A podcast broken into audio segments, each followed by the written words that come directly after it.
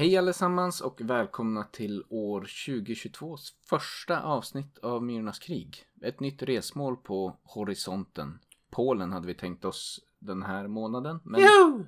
ja, innan vi flyger iväg dit tänkte jag få höra lite hur månaden och julfirandet har varit för dig. Jo, vi har varit och eh, firat jul uppe i Boviken norr om Skellefteå hos mina svärföräldrar. Det var Annika och flera syskon som kom dit så vi var ett lass. Mm. Det var trevligt, ganska avkopplande ändå trots att det är trångt och lyhört. Okej. Och mycket barn och vuxna. Ja men härligt. Irma fick bowla för första gången i sitt liv. Wow, stort. Jag tog det med ro. Ja våran december blev ju lite av ett bottennapp. Det var sjukdom i stort sett hela december. Så att eh, julfirandet, vi hann faktiskt iväg en sväng till eh, Annas syster och min svärfar då, Annas syster och deras barn. Så det vart som ett litet blixtfirande. Vi for till Lycksele över dagen. Emellan sjukdomarna höll jag på att säga. Men annars har vi mest legat sjuka och det har varit influensa och RS-virus och vinterkräksjuka. Så det har varit en inte så fröjdefull jul får jag säga. Nej, jag har väl med barn på förskolan fått mitt släng av sleven också. Den, en vecka med bekräftat RS-virus. Det var skönt att vara ledig från jobbet några dagar. Men eh, Mm. det var jobbigt att ha feber och vara sjuk. Men eh, nu står vi på benen och nu har Irma varit på förskolan hela veckan. Och peppar peppar. Hon har inte börjat få symptomen. Men det är nästa vecka lär det bli vabb igen. Ja, ja. Det är väl det jag har att vänta i, i framtiden. I guess. Greta, min dotter, ska börja på dagis också. Sen har jag ju avrundat min pappaledighet också. Jag är tillbaks på jobbet själv nu. Så det, ja men det är väl både och. Det känns lite jobbigt när man, man har blivit så invand med att vara med Greta hela tiden. Så att när man är borta från henne ett tag känns lite jobbigt. Men det är också samtidigt skönt att få börja jobba igen och Mm. komma liksom in i det där. Det, det är någonting som är lite trevligt med att jobba. Även om man tycker det är jobbigt när man är där. Det är skönt att lufta sig lite och träffa folk. Ja. Ja, det är ju någonting som jag, du kanske märkte av det också förut men vi kanske inte har märkt av pandemin så mycket på det här sättet som många andra. Att vi har ju ändå varit tvungna att gå till våra jobb när vi har varit i tjänst. Vi har inte kunnat jobba hemifrån vare sig du eller jag. Nej. Jag har haft någon enstaka arbetsdag hemifrån.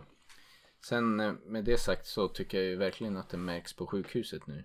Det är inte sådär att det, så vitt jag förstår, nu jobbar jag inom kirurgiska gebitet så jag ser ju inte de här illa drabbade coronafallen men så vitt jag förstår så verkar det inte vara så tjockt med sådana patienter men däremot har vi ju flera i personalen som blir avstängda och så måste de börja screena folk som de har varit i kontakt med och hej och hå. Är många som är i familjekarantän så vi måste ställa in operationer och sånt där. Så det börjar väl kosta på ganska mycket i hälsa. Fast Ja, de har ju annat håll. någon sorts vag plan om att vi eventuellt kommer måste stänga ner hela våran avdelning och försöka smörja ihop olika kirurgavdelningar för att kunna täcka upp så att vi kan liksom hålla en avdelning flytande.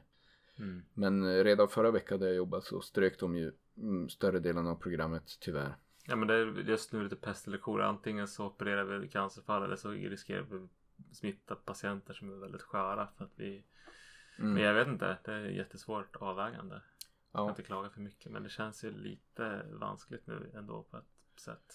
ja, jag hoppas att det här får vara sista vågen men när jag gick på min pappaledighet så tänkte jag att den här coronapandemin är ett minne blott när jag kommer tillbaka men tyvärr fortfarande högaktuell. Ja, den började precis när jag gick ifrån min pappaledighet så jag har liksom varit Du har varit i det hela vägen. Ja. Nåväl. Vi skulle No- ta oss vidare kanske. Ja, och prata om det vi egentligen är här för att prata om film. Har Ja. du sett något spännande sen sist vi poddade?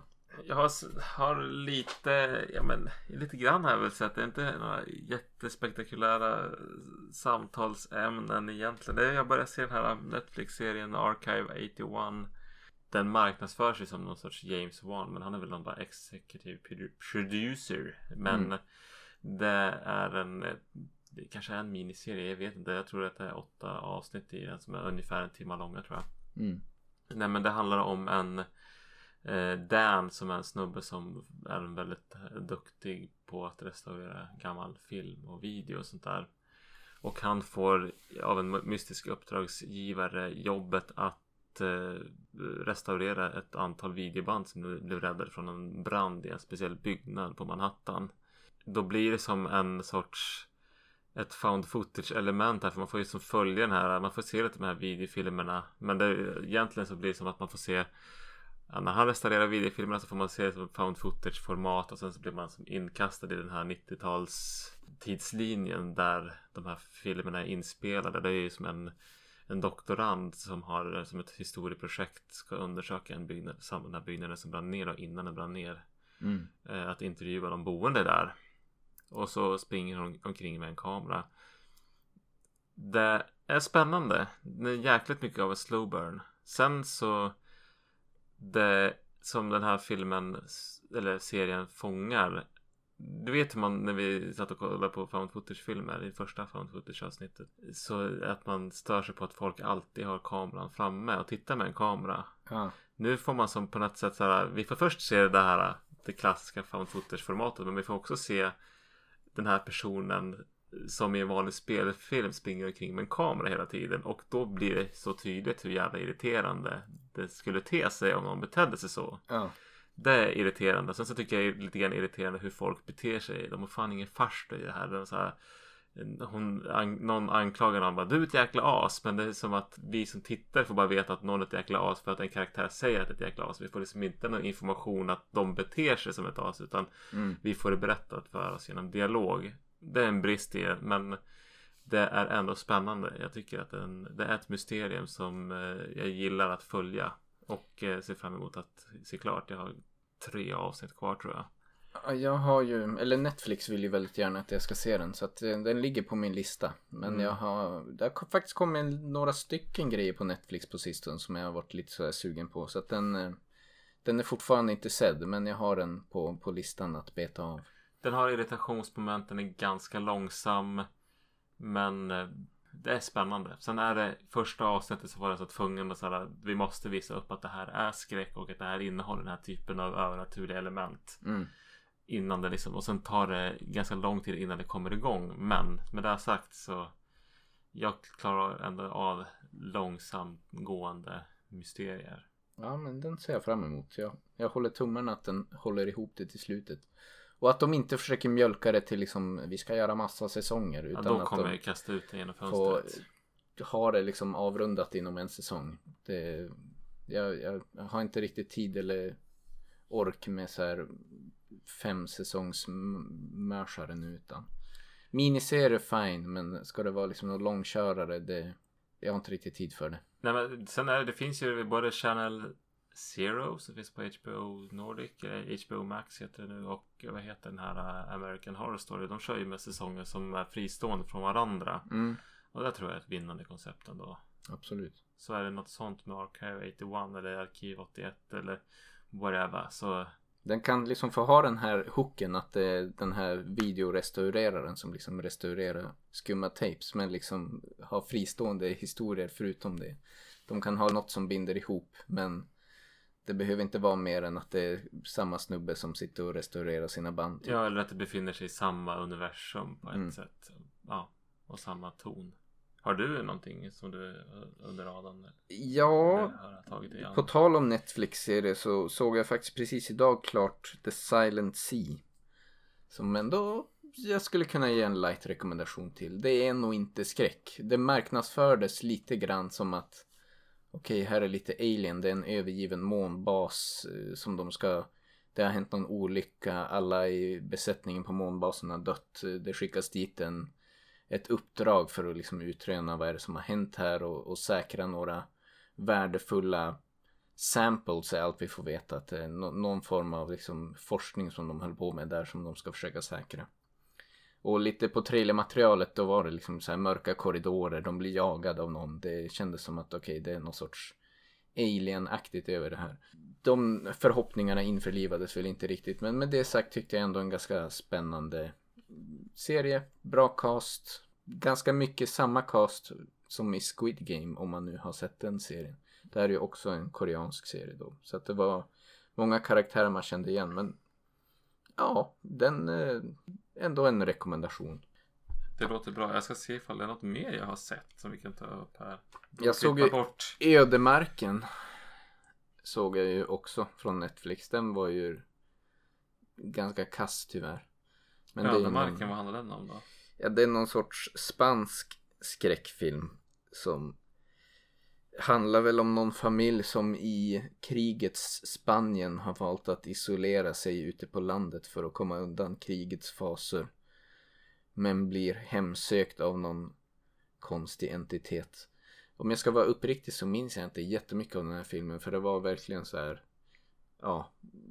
Man såg den och tio minuter senare hade jag typ glömt bort den. Den var Mhm. väldigt, väldigt meh.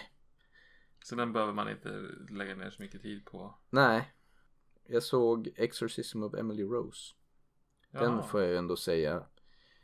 Skulle jag ja. vilja ge typ tummen upp till. Den var ändå. Det är ju en liten mix av en courtroom-film och en exorcismfilm. Där mycket av filmen också utspelar sig i rättssalen. Och så vitt jag förstår så har den ändå en viss grund i verkligheten. Den här Emily Rose som i filmen dör, så det vet man redan från början. Och sen handlar det om prästen som utförde den här exorcismen som åtalas då för att han inte har tagit henne till rätt vård. Liksom. Man anser att hon, kanske hade någon svår form av epilepsi eller annat. Och hans rättsprocessen där, där de åtalar honom. Jag vet inte mycket i hela rättsprocessen och den biten som är sant. Men jag tror att det är liksom sant så långt att det fanns den här kvinnan Emily Rose som en del menade var besatt. En del menade hade epilepsi och psykossjukdom. Och det var en väldigt kristen och trogen familj. Och det, man valde den andliga vägen för att försöka bota henne och hon dog så småningom. Ja, men den där tror jag att jag har sett. Men det är så länge sedan att jag inte vågar Mm. uttala mig så mycket om den. Ja, nej Men men, jag, jag tror så, så långt är det typ ändå sant. Och sen vad som hände, om det vart någon rättsprocess eller om det bara hittat på, det låter jag vara osagt. Jag vet faktiskt inte. Men Mm. den var, den var OK, hade en del bra scares och om om man gillar det här rätt, rättegångsfilmer liksom, så tycker jag den aspekten av filmen var helt OK det också. Så den eh, kan jag nog ändå rekommendera, absolut. Jag skulle nog gissa på att jag nog rekommenderar den framför The Devil Made Me Do It Conjuring 3 som också är en sån här rättegångsfall som man har spunnit en historia på. Mm. Men eh, vad, har du sett något mer? Skräckfilmsmässigt har det varit dåligt. Don't Look Up såg jag ju. Men det är ju, där landar vi långt utanför Myrornas krigs grepp. Men den får jag väl ändå säga en rekommendation. Den är utanför myrstacken. Den är utanför myrstacken. Yes. Annars vet jag gudarna om jag har sett så mycket annat. Ja men då kanske vi ska börja rikta blicken åt vårt resmål då. Ja, Ta båten mellan, eh, vad kan det vara, Karlshamn och Gdansk. något sånt. Mot Polen helt enkelt.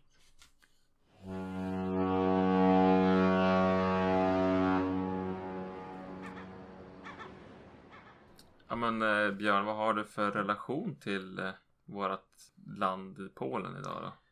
Nästan ingen alls skulle jag vilja säga. Polen för mig det är typ CD Projekt Red. Ut, bolaget som har gjort The Witcher. Okej. Det är ungefär summan av min kontakt med Polen. Annars har jag inte haft så mycket koll egentligen alls. Det har ju dykt upp mycket i nyheterna där i och med de politiska oroligheterna som har varit. Jag har inte full koll men det är väl något politiskt parti där som håller på att stöka med grundlagen. Och... Jo, det har väl blivit olustigt för eh, minoriteter att vara där. Mm. Och eh, sen har det väl varit en del tjafs vid gränsen. Där de här stackars flyktingarna som har hamnat mellan Vitryssland och Polen. Där, Ja, precis. Där.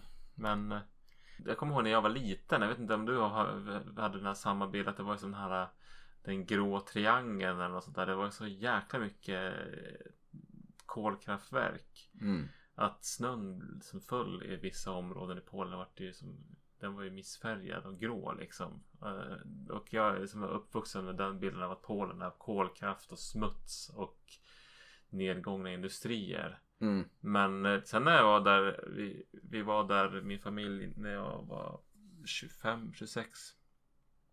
För att vara i det som var det forna Ostpreussen då, för där min farmor växte upp som barn och det ligger ju nu i Polen. Och då åkte man, då åkte man båten till Gdansk och sen åker man lite söderut i, i Polens inland. Eh, och det var väldigt fint tycker jag. Mm. Väldigt fin natur. Som vidsträckta skogar med lite mer varmare klimat och som ett annat djurliv. Men otroligt eh, överraskande trevligt ändå. Mm. Sen var det väldigt speciellt. Man, har ju, man känner ju som historiens vingslag. Man ser det finns så här, man kan ändå ana ganska mycket tysk arkitektur men i slutet på kriget så flydde ju alla tyskar. Det, ju, det var ju miljontals människor som flydde panik när ryssen kom. Ja. Eh, när tyskarna höll på att förlora och bara lämnade allt. Och nu är det som polacker som bor där. Så det är som en väldigt, vad ska man säga, omvälvande händelse där. Mm. Med förintelsen och krig och sånt under 1900-talet. Det är ändå ett sånt här land som jag tänkt skulle vara intressant att besöka någon gång. Men Just nu känns det inte så jävla lockande. nej, just man skulle vilja att det här hela politiska stöket med både gränsen och den nuvarande regeringen lite grann lugnar ner sig. Det känns som att det, det har lagt en liten sur bismak till ett land som annars kändes som att det var ganska up and coming som ja men det här är ett intressant turistdestination. Ja det är trevligt. Alltså det är ju, jag tyckte det var trevligt. Sen var det som här. Ja det kanske avbröt din tanke där. Nej nej. Det fanns ju så här roliga öststatsrester. Nu är det min fördom. Men det var som när vi var där så. De hade som det var en del som var. Ja men ganska den här gammeldagsa öststaten som man kanske ser framför sig med så här typ kötthandeln som inte har så mycket och, Mm. och lite ruffigt och kakel som borde ha bytts för 25 år sedan.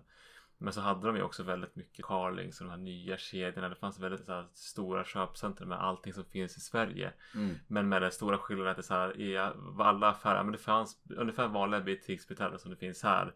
Och så fanns det typ alltid någon kontrollant som bara stod och inte gjorde någonting. Eller om någon körde en, en, en grävmaskin så var det typ en som körde grävmaskinen och en som satt bredvid och tittade på. Ja. Om det var någon sorts kvarleva från när det var en, en del av östblocket och Sovjet. Jag vet inte. Men det var väldigt eh, fascinerande. Och så när jag, var, jag skulle vara på Carlings och skulle prova ett par jeans. Och då så gick jag, råkade jag gå förbi hyllan med damjeans. Mm. Och då kom det som en person bara, nej du får inte titta här. Okej. Så det var, och det, jag menar, det var som så här, men den personen, det enda den gjorde var typ att bara vara där och ha koll på folk. Ja. Det var som inte otrevligt, det var bara så här, vad fan var, man var typ tillrättavisad på ett vänligt men bestämt sätt. Just det. Och eh, ja, men det, sen att det liksom kändes lite mer konservativt. Jag och min brorsa skulle dela rum på hotell. Mm. Då gick vi in där och sen så skulle vi få, hade vi fått nyckeln och sen så stod ju bara sängar ihopkörda. Och så, så bara nej nej nej jag får inte vara här inne. Så gick de och drog isär sängarna för att vi inte skulle ligga nära varandra. För att det liksom var Ja, eh, det. fast äh, det, ja, det var som fult att två män skulle eh, ligga Mm. intill varandra. Det var, om det var någon sorts att vi inte skulle behöva vara obekväma och det var så himla stigmatiserande med homosexualitet eller vad det kan ha varit. Men det var intressant för att det var så vart som en väldigt stel stämning. Ja. Det här var inte någonting de hade räknat med. Men eh, som sagt, trevligt land med väldigt trevlig mat. Väldigt rejäl mat kan jag säga. Ja, på tal om mat.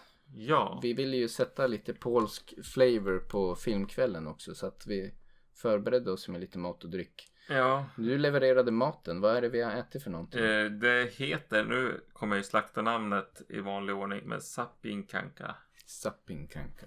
Eller något sånt. Det är som, eh, vad ska man säga, po- polsk street food. Det är som en varm macka där man har som delat en baguette. Mm. Och eh, så stekte jag lite champinjoner och hade på och med lite lök. Och sen så har man haft en ost på, kört in det i ugnen och grillat så att osten smälter. Sen har man eh, salladslök på. Det, det, det, man tänker att det här är gott nog. Men Mm. då ska man ta på ketchup och majonnäs. Vi hade ingen majonnäs men det var lite ketchup och sriracha mayo vilket var fantastiskt bra. Ja, det var ju jävligt gott. Det var riktigt gott. Det var ju snarlikt på något sätt ändå så här om man bara tänker själv att nu gör vi varma mackor i Jo, typ. men eh, Inget, inget som kändes så här smakmässigt superunikt men det är ju som bara goda grejer på en macka. Att, Jo, men jag gillar ändå det. Alltså det. Jag tror det är pricken över it som man inte får glömma. Man får inte bli för snobbig. Ha på ketchupen. Det var faktiskt, jag tänkte så här.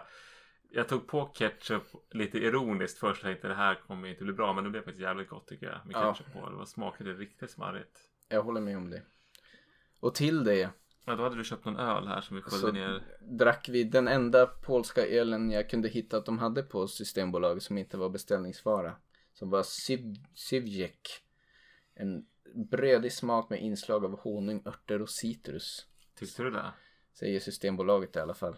Jag skulle väl säga, jag är ingen ölkännare. Min recension var liksom att det här känns som Polens typ Pripps blå. Eller som ganska Ja, basic öl. Standard stor stark på tapp. Ja. På en pizzeria. Som var helt eh, alltså, alltså, Habil. habil. Klart godkänd men det är inte så att jag skulle gå arma way för att kunna köpa Sivjek igen utan det går bra att köpa en Mariestad istället som är lite billigare och enkel att få tag på. Men helt okej ändå. Det, vi fick lite smak av Polen ändå. En fin etikett också. Mm, Man kan skymta den på Instagram. absolut. Ja, men eh, det var som en, en, bra, en bra start och uppvärmning inför kvällens film. Har du sett någon polsk skräckfilm innan du satte dig ner här? Inte vad jag vet om. I sådana fall av misstag höll jag på att säga. Ja, utan att jag har varit eh, liksom cued in på att det har varit pås. Men nej, jag tror inte det. Inte när vi gjorde några snabba slagningar heller på polska skräckfilmer var det som att det poppade upp något som jag kände, ja just det. Den där har man ju sett. Utan det var mest, eh, för mig i alla fall, okända filmer. Mm. Jag har ju börjat se Possession och det är ju en Berlinfilm. Jag tror att det är en polsk regissör. Mm. Men den var vi tvungna att avbryta för den blev för våldsam för min sambo. Sen så eh, somnade jag till The Lure någon gång när jag hittade den på streaming. Den handlar om några sjöjungfrur men jag hade jobbat natt Mm. och var lite för trött för det där. Men eh, tog mig aldrig riktigt för att ta upp den. Så det är, men det är ingen av de filmerna vi ska ta oss an ikväll. Nej, utan vi jobbar oss in mot första filmen då som är Demon från 2015.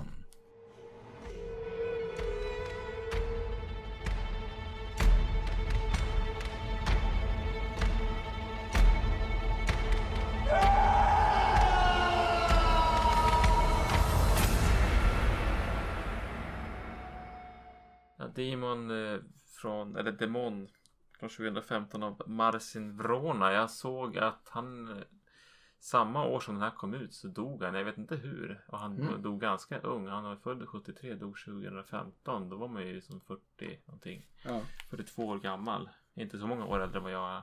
Han har både skrivit och regisserat. Och den här filmen handlar alltså om Piotr eller Python som kommer från, det verkar som att han kommer från England. Mm.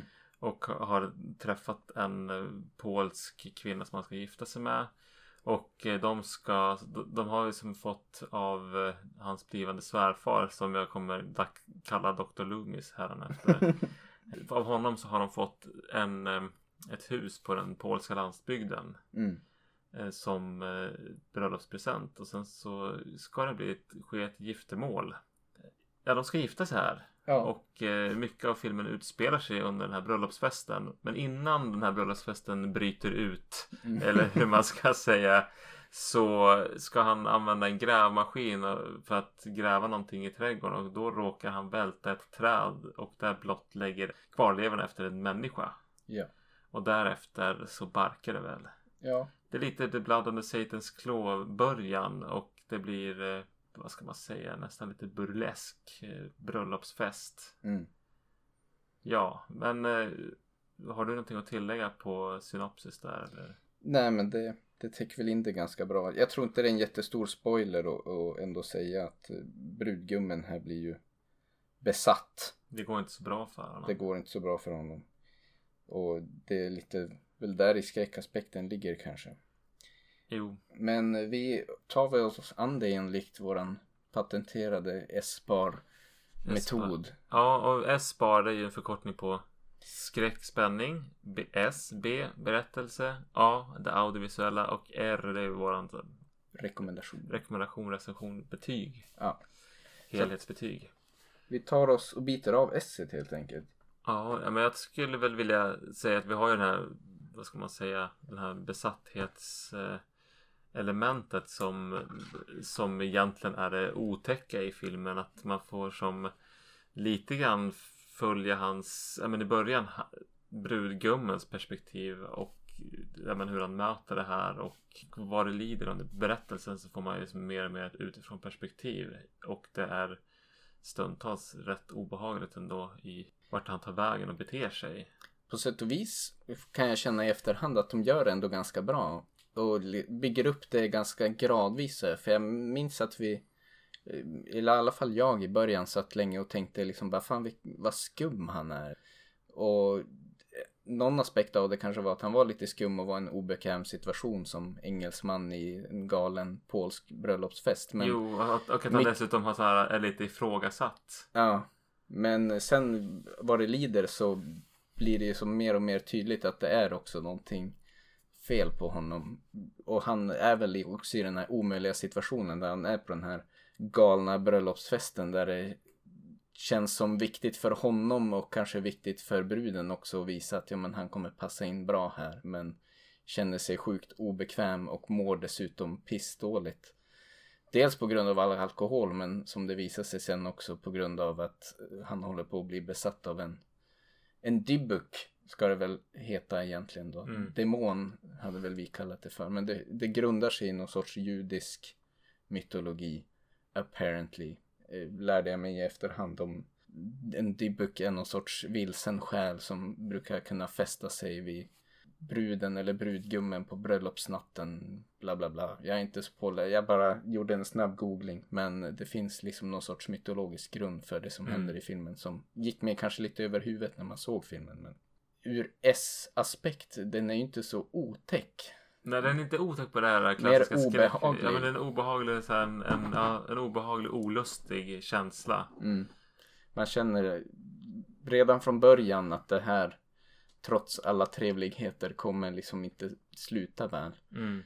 Men sen allt vad det lider så blir ju hamnar ju lite besattheten eller hans possession också i skymundan utan det är mer lite grann hur alla runt omkring honom ska försöka handskas med det här. Att eh, brudens far och, och eh, mamma då försöker väl liksom på något sätt ändå hålla liv i festen och det ska liksom inte läggas en sur biton på festen så att de försöker liksom bolla alla festgäster samtidigt med den här brudgummen som spårar ur och, och det, det känns hela tiden som att snart kommer det brisera och, att, och liksom barka iväg riktigt illa. Mm. Den, den hänger hela tiden i luften det här hotet. Men den tangerar ju, eller tangerar, det känns som en svart komedi med liksom lite skräckaspekter. Det är mycket ja, som är, mycket blir drama, dråpligt. Mycket komedi och sen så nuddar vi vid skräck, ja. Mm.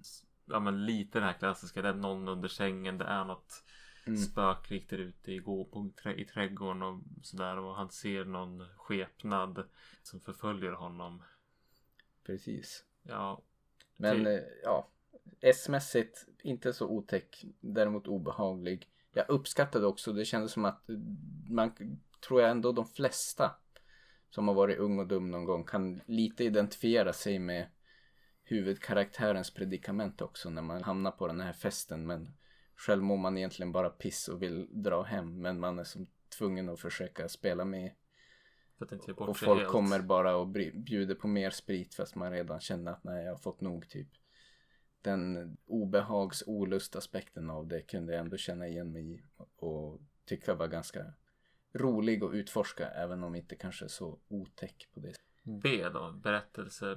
Jag kanske kan börja. Den här har ju sett en ganska eh, speciell ton som är att jag tycker att den är ganska mustig. Vi befinner alltså det är vi är i det här huset på vischan och alla de här eh, bikaraktärerna som egentligen tycker gör för min del, jag tycker inte så mycket om Eh, huvudkaraktären Python eller Piotr. Mm. Utan eh, mer alla som far runt honom och försöker lösa, eh, hålla ihop den här festen som du pratar om. Att det är någon försupen doktor, det är en präst, det är någon så gammal professor som håller på och gaggar och håller tal. Mm. Det är mycket sånt och den här doktorn som ska spela någon melodi och ha något uppträdande. Han håller tal och sen så och pratar så mycket hur han är nykter och sen så ska han spela den här så spelar han på någon sån här jättelåg volym på en synt och det låter där jättedåligt och så här jättedyster eh, melodi och så här klassiskt pianostycke. Oh.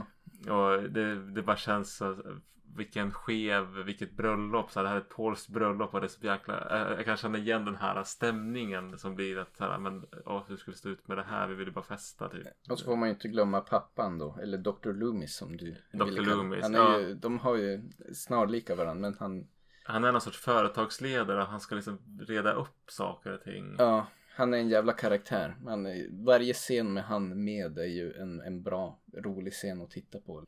Så att, eh, ja, det är väl mycket av bikaraktärerna som är, eller birollerna som är huvudrollerna egentligen jo, precis. Och hur de pratar. Liksom, det, händer liksom, det, det är inte att man får följa så många karaktärers utveckling innegående. Utan det är många. Man får stöta på karaktärer som. Ja men hur skulle den här kunna bete sig i det här läget? Och det är många som så sitter och super och sover över bord. Och det är Mm. eh, någon som kopulerar där med musikerna som är inhyrda. Och det är liksom någon som står och spelar dragspel i ett hörn. Och det, det är som ett jäkla myller. Det känns som att man är i någon svart katt, vit katt. eh, här, jag kommer inte ihåg de här zigenarkomedierna från 90-talet. Mm. Eh, Det romska, jag vet inte men de, ja, zigenarnas tid och de, de eh, filmerna, lite den känslan i filmen. Det händer väldigt mycket i bild. Jag tycker det är ganska mycket på B så det är väl egentligen där som vi har eh, tyngdpunkten i filmen skulle jag säga om jag bara har en allmän känsla. Ja, Det, det, det är tangerar komedi, det är, ja men det är så ganska dråpligt, det är ganska svart humor. Eh, samtidigt som jag tycker att den hade också ett väldigt arthousigt anslag. Där eh, ja, men vissa tagningar får ta lite tid och ja, men att saker och ting har ett sånt tempo. mm. Att man, man skulle liksom kunna städa bort någon liten konkret skräckaspekt ur och skruva på någon ratt och så har vi nästan en, en Roy Andersson-film. Alltså lite inte där den här sången från andra våningen stuket utan mer en kärlekshistoria, något mer åt det här hållet. Mm. I ton och i berättelse. Att det, den är väldigt nära den typen av absurda drama. Snarare än att det är en slasher eller spökskräckis. Ja, precis. Det känns som brödet i filmen ligger ju lite grann i berättelsen. Men när jag försöker summera det för mig själv så är det ändå ganska... Ja, det är som bara bröllopsfirandet från helvetet. Liksom allting går snett och om vartannat är det dråpligt och roligt och om vartannat är det ganska obehagligt. Men- Jo, att det är som, ja, precis att det ena stunden så är det obehagligt för att han har ju den här eh, liksom, uttrycken för besattheten som de måste lösa. Och, ja men det är ju att de, ja, men han får någon sorts anfall och man tillkallar ambulans och sen så när ambulansen kommer så bara nej men inte kan man ta brudgummen från festbröllopet och Mm. att man ska fortsätta och det är som, men varför? Det är så helt urspårat Ja. eh, hur de hanterar det här och att det blir, som, det blir mer och mer obehagligt men det blir också helt mer och mer absurt och i samma takt som det blir obehagligt blir det också roligt eller knäppt, knasigt. Det enda berättarmässigt som jag kände, jag vet inte om det är någonting som saknas, men jag hade nästan förväntat mig att det skulle sluta i ett crescendo av kaos, eller vad man ska säga. Men egentligen så är det som att det bara mer pyser ut och Ja, de, festen, Fe- Festen tar slut till slut. ja, festen bryter upp och de går därifrån och möter här begravningssällskap eller Ja. kortege. Det är helt Det finns kanske någon symbolik där Ja. som gick mig lite över huvudet. Men eh, ja, jag vet inte. Det, det var ändå väldigt intressant. Eh, spännande film att titta på. Så sätt. Men vi kanske ska hoppa på det audiovisuella. Ja. Där jag egentligen inte har kanske så mycket att säga. Jag tyckte ju om att det var mycket liksom ösig bröllopsmusik och Mycket klätts med liknande ja, musik de körde där. som både bidrog till komedin i filmen men också bidrog till den här känslan av obehag ibland när det liksom det finns en, vad säger man på svenska? Eller på engelska? Jag vill säga juxtaposition men jag kommer inte ihåg vad det svenska ordet heter men mellan en del obehagliga saker som Ju- händer. Högsta positionering. Den här att å ena sidan har man den här glättiga men det här det gör att det blir ännu mer obehagligt att det, det, här obehag, det här onda finns precis Runt knuten. Ja. Jo men jag förstår absolut. Det tänkte jag inte ens på men det, det kanske bidrog till det här. För att det blir, det blir så kusligt då liksom. Mm. Och så är ju hela filmen tycker jag känns som badar i någon sorts brungrå färgskala som kanske också bidrar lite grann till att det känns som ändå ja, men som en lite skabbig fylleslag på något vis. Att det, det, det är mycket bruna gråa toner och allting ser liksom lite skitigt ut på något vis. Ja, precis, och det suddar som ut gränsen till jorden där man hittar de här benen. Det blir som mm. allting smälter ihop och det är ju som Ibland blir det som en feberdröm med all musik och det är liksom det är som suddigt rent ja, men allting går i samma grå och brun, eller brunskala. Ja, men eh, det känns som att man har hallucination nästan. Mm. Utan att vara färgsprakande som många av de här nya Colorado Space-filmerna. Yeah. Sen emellanåt förutom att man har rätt så festliga klätts med musik så jag satt och stampade takten till så är det ganska så bra gjort soundtrack att de har ganska obehagliga stråkeffekter som är väldigt så disharmoniska, dissonanta mot Mm. Så att verkligen skruvar upp feelingen i, i filmen. Så den, där tycker jag var ganska starkt. Även om det inte kanske finns så mycket att säga om det. Precis. Vi kanske inte ska hänga upp oss här utan vi, vi avrundar av ett hastigt och lustigt och hoppa på den viktigaste punkten kanske. Är det här en rekommendation från oss? Ser man på alla bitarna så jag tycker det, det var väldigt kul att att se för att den är väldigt annorlunda. Den är ju inte så mycket av det här det, det här vanliga uppbyggnaden som en skräckfilm utan den har håller sig mer som en urspårad drama om ett bröllop. Mm. Och eh, det ska man väl vara beredd på men med det sagt så tycker jag att det, jag, jag är så nästan sugen på att se om den. Kanske inte nu men den, den, den har sådana aspekter som är, jag tyckte att det var ganska njutbart att se den. Är man verkligen sugen på en skräckfilm så är det kanske inte Demon man ska se. Men jag tycker att det är en bra film. Och jag skulle nog ändå som film sett rekommendera den. Men det, det, är inte, du kommer inte sitta där och bli rädd. Men det är mer den här krypande olustkänsla som kanske infinner sig som utgör skräckaspekten i filmen. Jo, den är som mer som ett porträtt av den här bröllopsfesten som är urspårad och från helvetet snarare än om det är någonting som som satt och väntade på som aldrig riktigt kom så var det ju sådana här tydliga narrativet där nu ska det komma en konflikt och det ska få en, en tydlig lösning utan det är liksom är det någon sorts triangeldrama som ska utspela sig eller är det något hot som kommer att döda folk mm. eller är det någon som kommer att eh, spåra ur kommer han som är besatt att spåra ur eh, och göra på det här sättet eller kommer man måste få honom, ex, alltså ska det bli någon exorcism här? Det blir liksom, det, det, det tar, det, det, tar in, när man väntar på att någonting sånt ska ta vid. Nu spoilar jag kanske men, mm. men det tar aldrig någon sån där riktning. Det saknar jag lite grann. Men mm. det kanske jag saknar för att hade, det, i min, mitt huvud så hade det bara varit lättare att hänga med på resan då. Nu får man bara sitta tillbaka, luta sig tillbaka och på något sätt bara åka med på en Liksom, en galen bara, åktur. Ja, bara oj nu hamnade jag på en bröllopsfest. Nu är jag inte sugen på att åka på bröllop på ett tag. Ja, jag håller med dig. Jag satt också lite, som jag nämnde även på B, att man väntar på det här crescendot när det ska verkligen hända något. Men sen är det som att det bara pyser ut istället.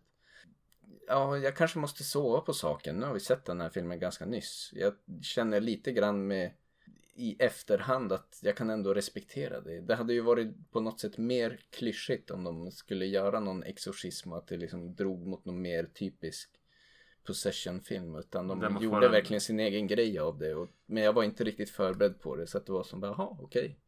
Där tog det slut tydligen. Nu åkte de iväg med båten där. Ja. ja. Så som det blev.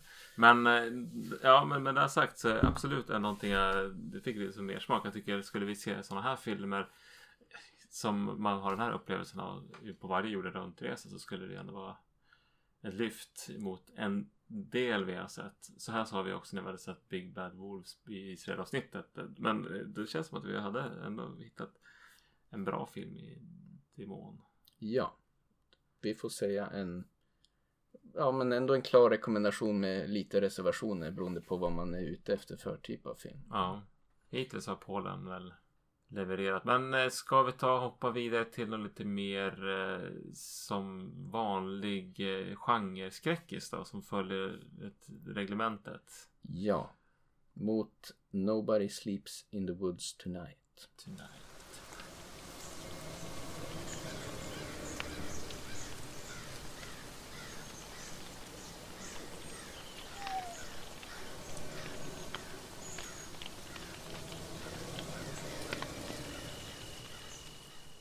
Nobody Sleeps in the Woods Tonight från 2020 i regi av Bartosz Kowalski. Handlar då om, kan man säga, en grupp teknikmissbrukare kan man väl kalla det då. Men ungdomar som anses i alla fall av sina föräldrar vara alltför beroende av teknologi som alla skickas iväg på någon sorts sommarläger som har lite som nisch då. Att de måste lösa in alla sina telefoner och datorer och de ska leva enkelt i någon vecka för att detoxa från internetkulturen. Camp Adrenaline. eller vad Precis. Ja. Och då får vi specifikt i det här större kampet att få följa en, en lite mindre grupp ungdomar som ska bege sig iväg ut på någon sorts vandring då i skogen. Och ganska snart därefter så springer de på, jag vet inte ens vad vi ska kalla dem för, men några muterade tokar som bor i skogen och folk börjar dö. ja. Vi kanske inte behöver gå in så mycket djupare på det än det. Nej.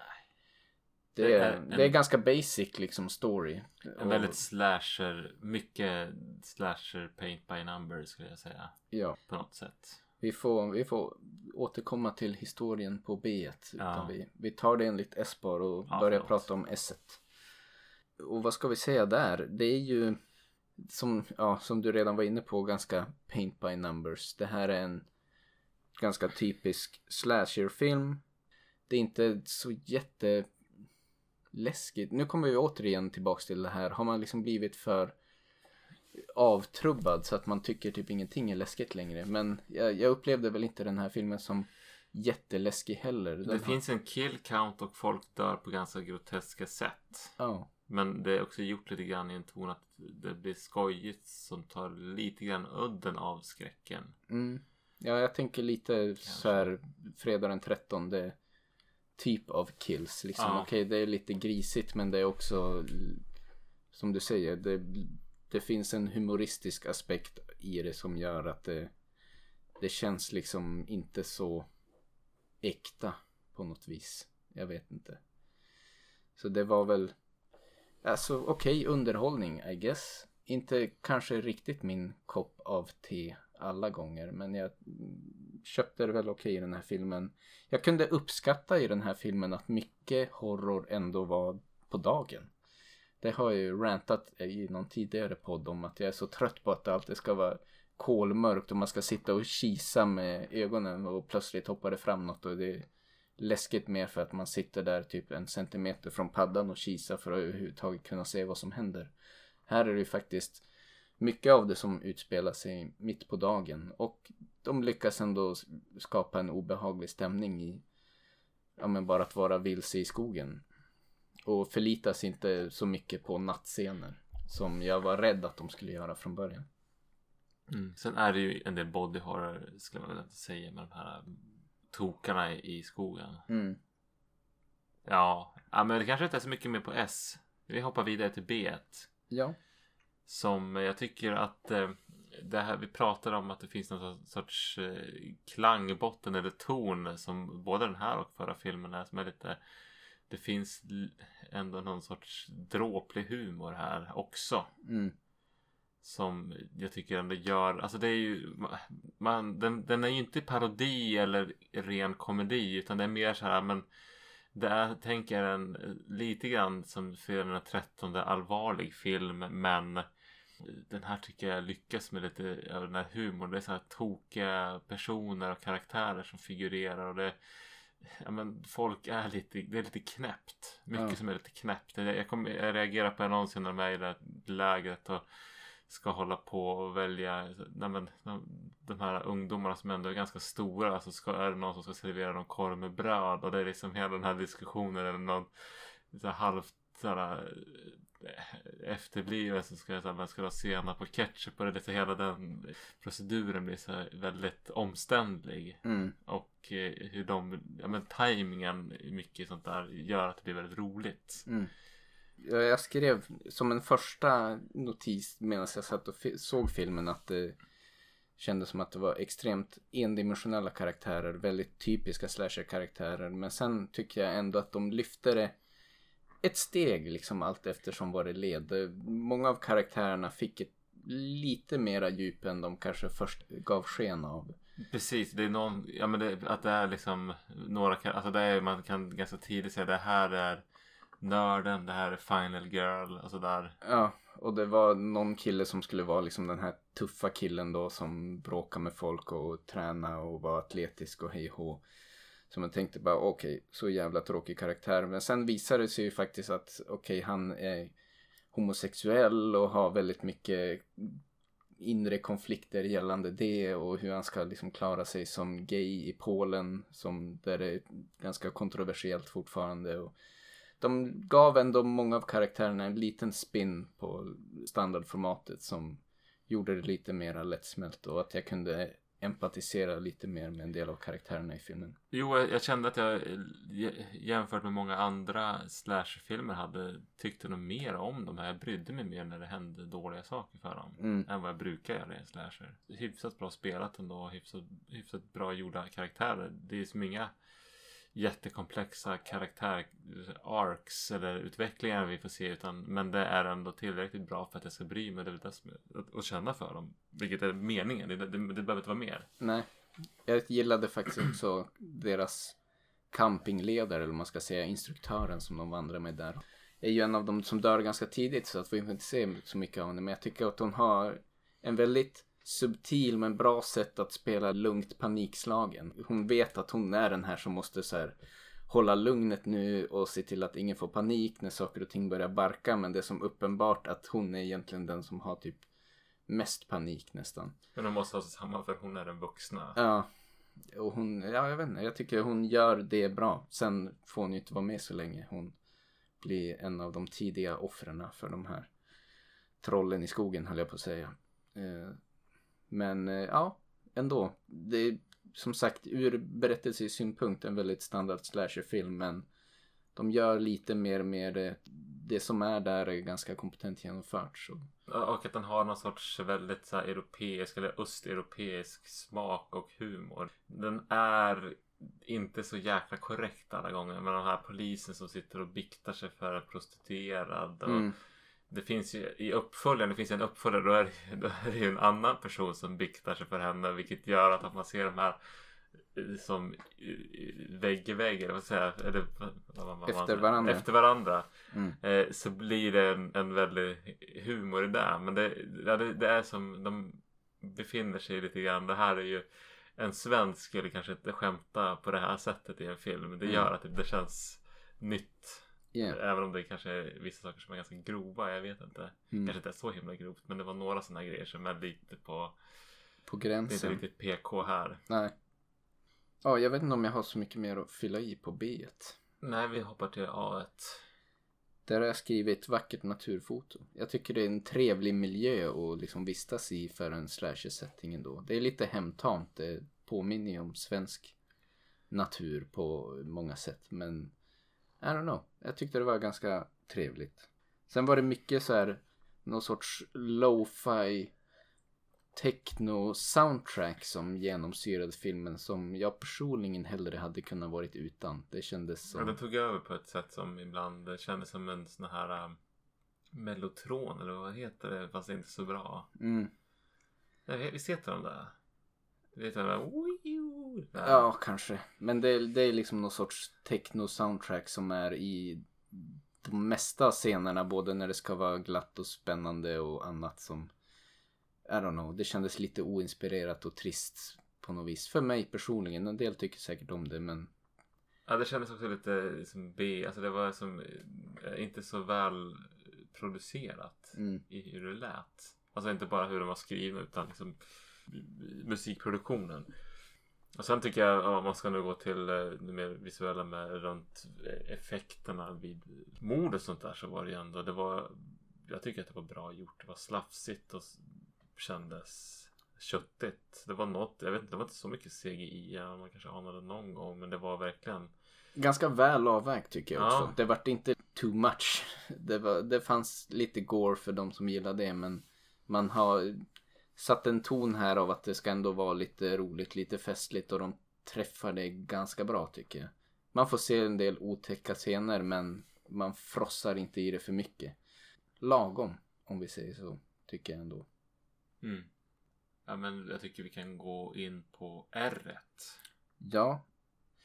Min känsla, nu, nu måste jag bara buffla på här. För att det är som jag tycker var lite, jag blev lite förvånad. Den har fått en, en ganska svaga betyget 4,9 på IMDB. Mm.